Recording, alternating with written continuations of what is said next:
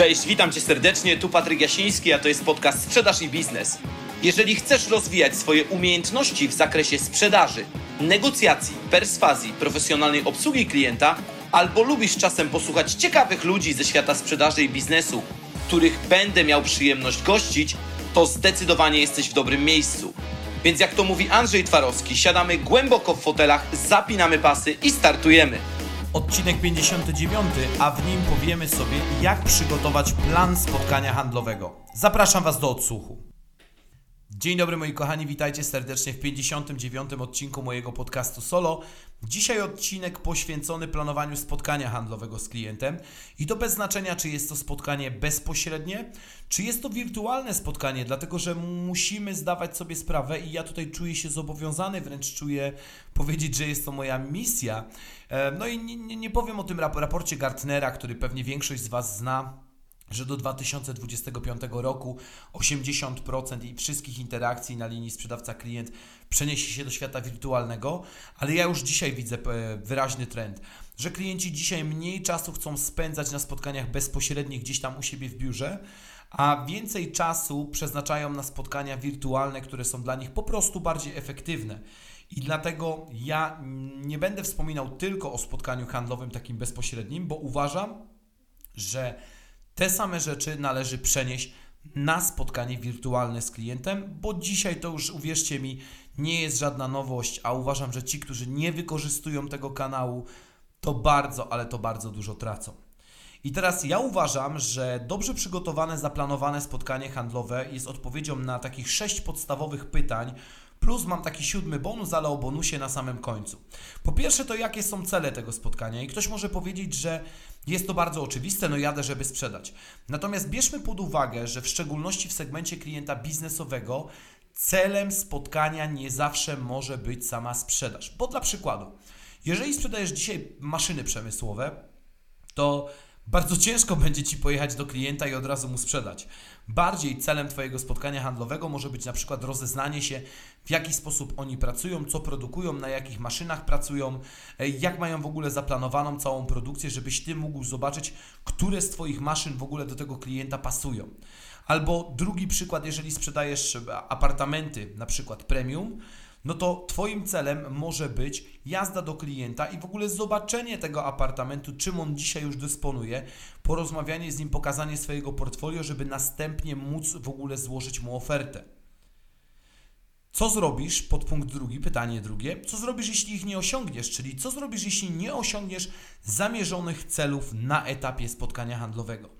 Jakie działania podejmiesz? Czy podejmiesz kolejną próbę? Czy wykonasz follow-up? Czy być może spróbujesz uderzyć do innej osoby? A być może, jeżeli nie uda się osiągnąć Twoich celów, a Twoim celem jest sprzedaż, no to być może poprosisz o rekomendację kogoś, kto w tym momencie jest w lepszej sytuacji albo z większym prawdopodobieństwem może zostać Twoim potencjalnym klientem. Trzecie to kto będzie uczestniczył w spotkaniu i tutaj zarówno po stronie Twojej firmy, jak i po stronie firmy klienta.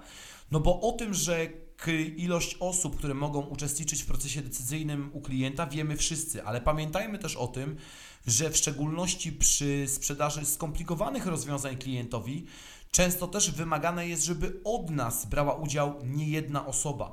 No bo dla przykładu, jeżeli mamy kogoś w biurze, kto stricte zajmuje się pomocą przy planowaniu produkcji, no i mamy handlowca, no to być może muszą wziąć udział obie te osoby, a być może są to już rozmowy wysokiego szczebla.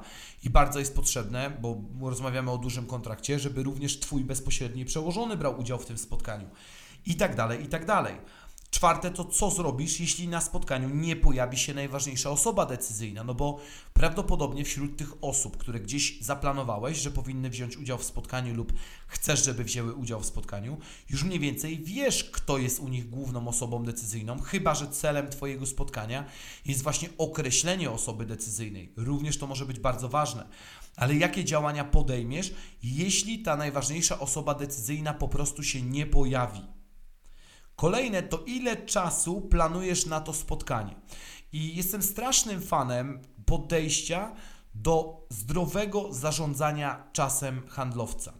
Zwróćcie uwagę, że ja nawet zrobiłem o tym nagranie na YouTubie, gdzie przytaczam takie, takie moje stare powiedzenie, że jednym z najważniejszych narzędzi każdego dobrego handlowca, w zasadzie te narzędzia są dwa, czyli czas i głowa. Tą myśl rozwijam na YouTubie, ale pomyślcie sobie, że to jest jedno z podstawowych i najważniejszych narzędzi każdego handlowca, czyli zarządzanie sobą w czasie. W jaki sposób ja gospodaruję tą moją dobę, czy te 8 godzin, czy jakąkolwiek inną jednostką czasu dysponuję, jak ja po prostu to wykorzystuję. Po czym ocenisz, to jest szóste, że Twoje spotkanie było owocne, czyli jakie konkretnie informacje, dane pomogą mi ocenić, że to spotkanie z tym konkretnym klientem było dla mnie owocne. I ostatnie, to powiedziałem, co powiedziałem na początku, że bonusowe, to zawsze, niezależnie czy rozmawiasz przez telefon, czy jest to wideokonferencja, czy jedziesz do klienta na spotkanie handlowe już takie bezpośrednie, jedź do klienta z czystą kartką. Co ja przez to rozumiem? Rozumiem przez to, żeby nie jechać do klienta z gotowymi rozwiązaniami, a jechać do niego z ciekawością. Zrozumiem to przez to, żeby zależało nam, aby dokładnie zrozumieć sytuację, w której w dniu dzisiejszym znajduje się nasz klient.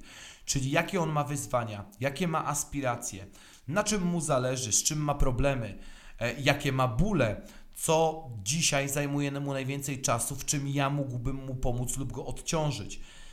To jest tak zwana właśnie metoda jechania do klienta z czystą kartką i bardzo mocno zalecam Wam tą metodę, bo dzięki tej metodzie dowiadujecie się dużo więcej, dużo chętniej, dużo lepiej o swoich klientach, a dzięki temu doprowadzacie do sytuacji, gdzie klient ma poczucie, dzięki temu, że został wysłuchany, że bardziej on kupuje od Was niż Wy mu sprzedajecie.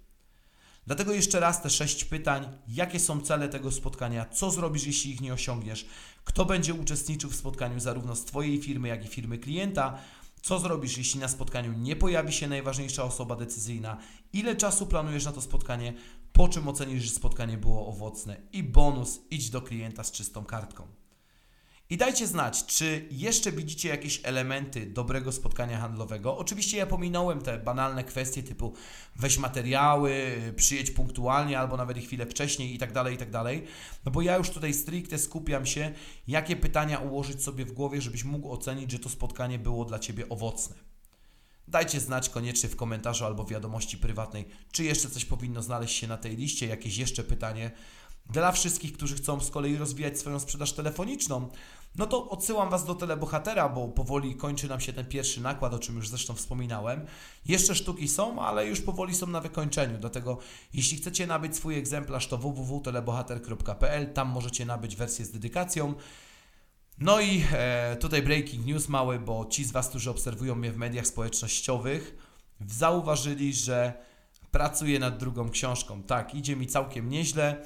Um, za chwilę powinienem już podawać więcej szczegółów, ale ta książka jest dla mnie cholernym wyzwaniem, dlatego że o tyle, ile do telebohatera podchodziłem jako do książki, która miała być najlepszą w swojej kategorii, tak samo podchodzę do tej książki, ale jest to, będzie to dla mnie niesamowicie trudna pozycja, więc um, śledźcie na bieżąco, jeżeli nie macie mnie w sieci na LinkedInie, czy nie obserwujecie mnie w mediach społecznościowych, to gorąco Was do tego zachęcam. No i co? Dajcie pozytywną ocenę, jeżeli słuchacie mojego podcastu, żebyśmy docierali do nowych osób i słyszymy się w kolejnym odcinku za tydzień. Trzymajcie się gorąco i do usłyszenia. Cześć!